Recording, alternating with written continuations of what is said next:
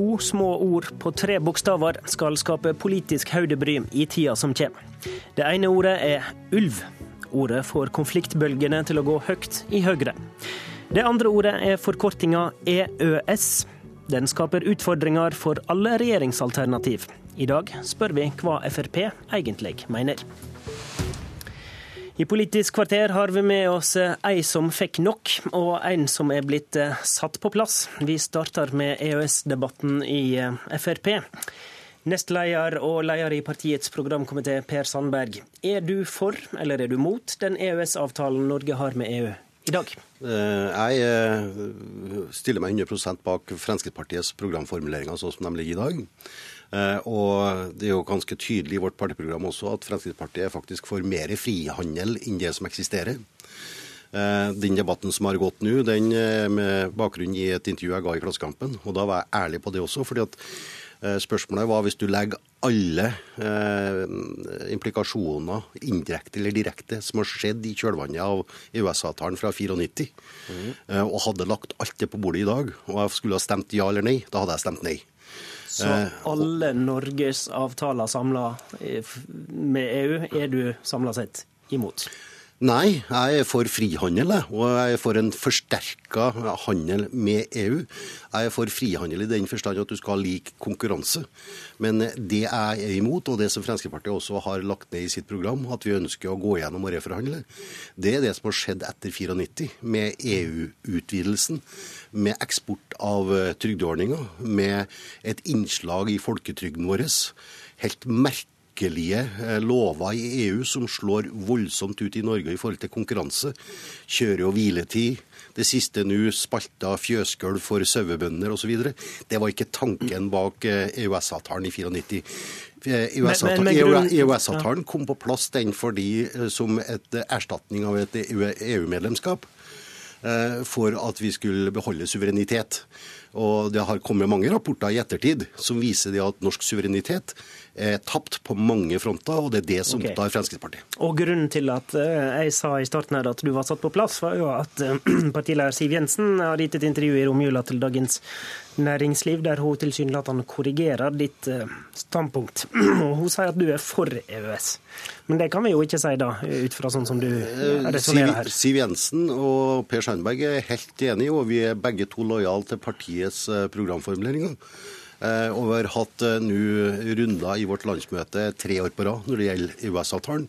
Vi har kommet fram til gode kompromiss. Eh, og så leder jeg programkomiteen til Fremskrittspartiet nå.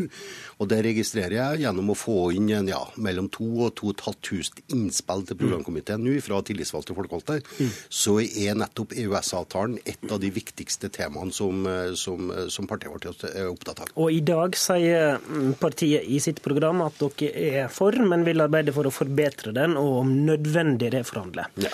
Vil du at Frp skal Eh, programfeste at dere er mot dagens EØS-avtale? Nei, programkomiteen enstemmig så langt har sagt at vi, har, vi slår fast at vi er imot EU. Men programkomiteen er klar og tydelig på at vi er nødt til å ha en handelsavtale med, med, EU, som er vårt største og viktigste marked. Nå blir jo også det jo betydelig Hvor, hvor langt vil du gå da, i programformuleringa når det gjelder EØS? Jeg, jeg, tror vi må gå litt lenger i forhold til å ta bort noe av de negative resultatene eh, som EØS-avtalen har på, eh, påført oss. Og da handler det først og fremst om? Ja, det handler først og fremst om eh, innslaget i folketrygden vår, eksport av, av, av trygdeordninger. Eh, også deler av arbeidsinnvandringa eh, slår ikke positivt ut. Og så er det da enkelte element. Eh, som jeg nevnte én ting, her med kjøre- og hviletid. Det må være sånn at fortrinn som EU har, bør ikke gjennomføres når det slår negativt ut for Norge. Men for å få litt, til. Eh, de tingene du ja, peker på der, må en forhandle en ny EØS-avtale, da? Det, det er komplisert, nemlig. Fordi at eh, det er noe som heter FREFTA, og det er ikke sånn at Norge alene kan kreve reforhandling, eller? Dette er komplisert. Vi må ha med alle samarbeidslandene. Eh, og rådet i EU også har en finger med i spillet her. Derfor så er det veldig vanskelig å programfeste eller slå fast og si opp en EØS-avtale, for det er flere som har et ord med i spillet der også. Men hvis en ikke får til de tingene du peker på her, da, med trygdeeksport, arbeidsinnvandring, alt dette som er knytta til EØS, da må vel det ha en konsekvens, da? Ja, i hvert fall framover. Eh, fordi at eh, vi har muligheter til å bruke en viss artikkel i forhold til å legge ned nærmest veto. Og så blir vi da trua med at hvis vi bruker den vetoen som vi har en mulighet til, eh, så får vi motreaksjoner eller sanksjoner fra EU. Men det er jo nettopp det jeg peker på også, at det er viktig kanskje at Norge markerer seg nå, fordi at andre land gjør det. Eh, se bare på eh, dette med, med, med kjøre- og hviletid. Det er jo ikke sånn at det slår inn over alle land. Det er bare Norge som blir påkrevd dette. Når det gjelder eh, økonomisk, eller økologisk produksjon av laks f.eks., så har Norge et bedre regelverk og lovverk i forhold til økologisk produksjon i EU, men allikevel så blir vi påført sanksjoner. Så er det jo sånn at vi har tollbarrierer inn i EU på fisk. Eh, særlig foredla eh, varer. Mens EU kan eksportere til Norge helt tollfritt. Så det er klart at, eh, Og vi ser nå når jeg har vært gjennom tøffe forhandlinger om kvoter på fisk f.eks., så ser jo i det at denne regjeringa gjør en betydelig jobb, for at vi beveger oss sakte, men sikkert framover og får bedre avtaler. Så er det jo sånn at EU, det vet vi også fra 92 og 94, at EU, noen land i EU da, har eh, ambisjoner, intensjoner om å få deler av våre ressurser, særlig på fisk. Eh, og der er det en balansegang. I starten av dette lange resonnementet ditt her nå, så pekte du på vetoretten. Ønsker du at det skal være en del av FrPs program? da, at en skal at Norge skal gjøre mer bruk av vetoretten? Ja, i saker som gjør at det slår veldig negativt ut for norsk næringsliv særlig. Altså det er at vi taper konkurranse fordi at EU har noen fortrinn, så mener jeg at vi må stå på vårt i mye større grad. Sånn som f.eks. Island har et inntrykk av gjør i større grad. Kan et skjerpa standpunkt i EØS-saka gjøre samarbeidet med Høyre vrient? Nei, vi, vi, respekterer hverandre og vi vet hvor Høyre står i dette spørsmålet. Og vi er jo for, eh, for, for øvrig helt enig.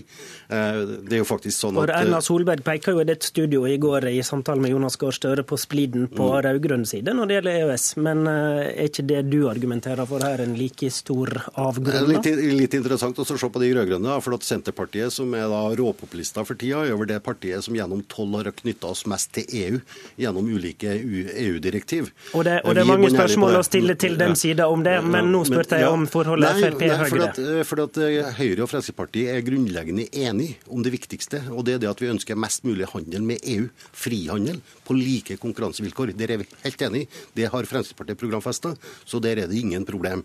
Mens vi i Fremskrittspartiet da er veldig opptatt av det som har negative påvirkninger for norsk næringsliv, og for norsk økonomi. Eksport av trygdeordninger, arbeidsinnvandring osv. Hva skulle skje med norske fiskeriinteresser om vi skulle gå så langt som å skrote EØS? Nei, Det kommer aldri til å bli skrota eh, handel med, med, EU, men vi kommer til å få store utfordringer etter hvert. Vi ser Canada nå har fått en frihandelsavtale med EU, eh, og som får bedre eh, avtaler med EU enn det Norge har. Andre land har også betydelig bedre avtaler med EU enn det Norge har på fisk. Eh, og så har vi TTIP som ligger og, og ruger en eller annen plassen. Det er lagt i skuffa foreløpig. Det kan dukke opp igjen så nye utfordringer kommer. Brexit. Eh, Storbritannia. En fjerdedel av markedet i EU går nå ut av EU, og vi skal forhandle med Storbritannia på en helt annen måte. Det, det. Hva er det et argument for i den norske EØS-debatten, mener du da? Ja, det, altså, det, gir oss noen utfordringer. for at, uh, Jeg skal jo sjøl nå reise til uh, Vi kjører en offensiv nå mot Storbritannia for at vi må opprettholde det gode samarbeidet vi har med, med, med Storbritannia. Nå er det jo heldigvis sånn at Storbritannia, når det gjelder fisk, da, så er de forbrukere. Eh, de spiser fisken, det er fish and chips. Mens andre land i EU ønsker norsk fisk fordi at de ønsker å foredle og opprettholde en hel rekke industriarbeidsplasser i EU.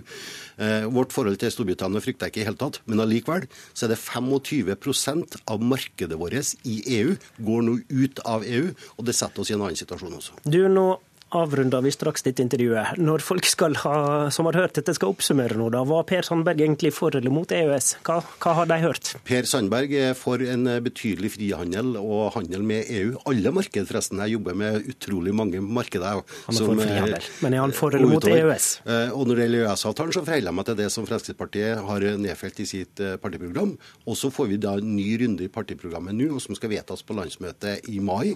Og tror, eh, og, og tror, tror jeg det blir et forsterka syn på og forsterka standpunkt i forhold til det at vi må reforhandle eh, og få til å finne et handlingsrom som gjør at norske fortrinn i mye større grad kommer fram i forhold til EØS-avtalen. Frp går sannsynligvis inn for reforhandling av EØS-avtalen. Ja, og som jeg sier, det er ikke så enkelt. Vi kan ikke programfeste en reforhandling for vi må ha med flere land og EU i forhold til det også. Men det er det dere ønsker. OK, takk for at du kom, Per Sandberg.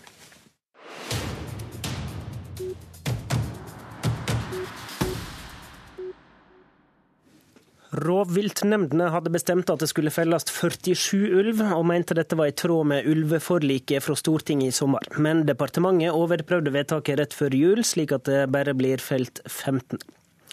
I dag møter sinte representanter fra Hedmark Høyre statsministeren og miljøministeren. I morgen kommer busslaster med hedmarkinger for å demonstrere i hovedstaden, samtidig som det er krisemøte mellom ulveforlikspartiene.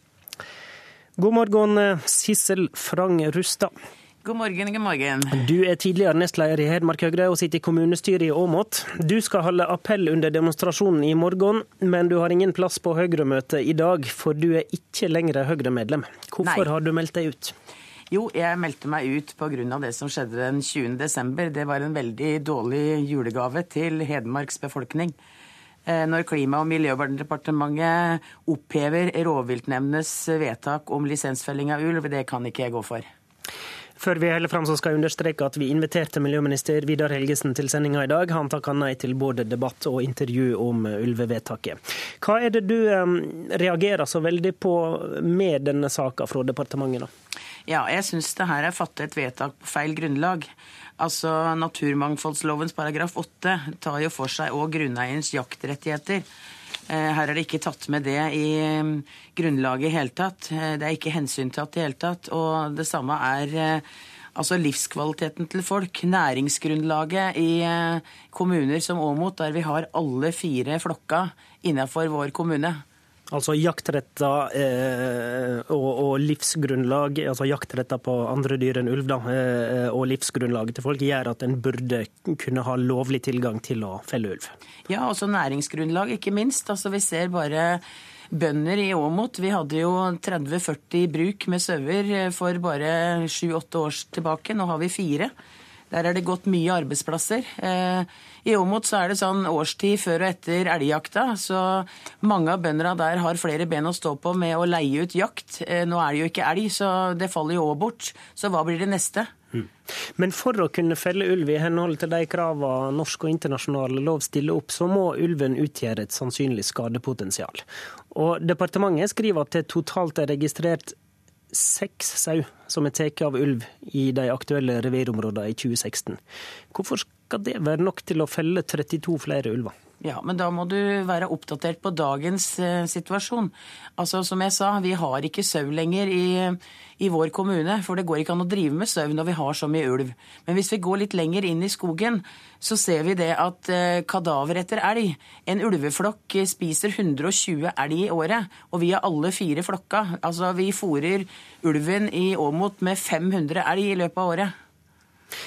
Men mener du eh, regjeringa skal godkjenne skyting av nesten 50 ulv når, det faktisk, når de sjøl mener at det faktisk ikke er dokumentert at de gjør så stor skade, da? Ja, altså, det går som jeg sier, ulven er der uansett, og ulven skal ha mat. Og ulven òg er eh, et dyr som formerer seg.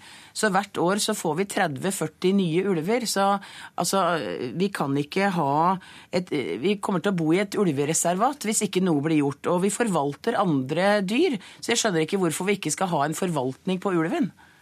Du var inne på det juridiske i starten her, for du er også engasjert i det som heter Utmarkskommunenes sammenslutning, som arbeider ivrig for omgjøring av Helgesens vedtak. I en juridisk rapport mener sammenslutninga at regjeringa da bruker lova feil, som du var litt inne på. Hva er den feil lovbruken her, egentlig? Nei, Det går på naturmangfoldslovens paragraf 18. Eh, som vi har lest i avisa nå, så svensk høyesterett har jo nylig avsagt en dom om tillatelse av lisensfelling av ulv i Sverige, der de eh, tar inn naturmangfoldsloven og grunneiernes jaktrettigheter, ikke bare sauenæringa. Hva håper du skal være utfallet av de mange møtene og demonstrasjonene denne veka da? Nei, Jeg håper at Klima- og miljøverndepartementet med Helgesen i spissen går tilbake på det vedtaket de gjorde til sommeren. Altså Vi i Åmot og nabokommunene vi er òg en del av Norge, og vi må bli hørt. Eh, vi skal òg bo der. Hvis ikke så vil vi bo i et ulvereservat, og mm. da er det ikke beboelig for folk. Takk til deg, Sissel Frangrustad. I studio, Håvard Grønli.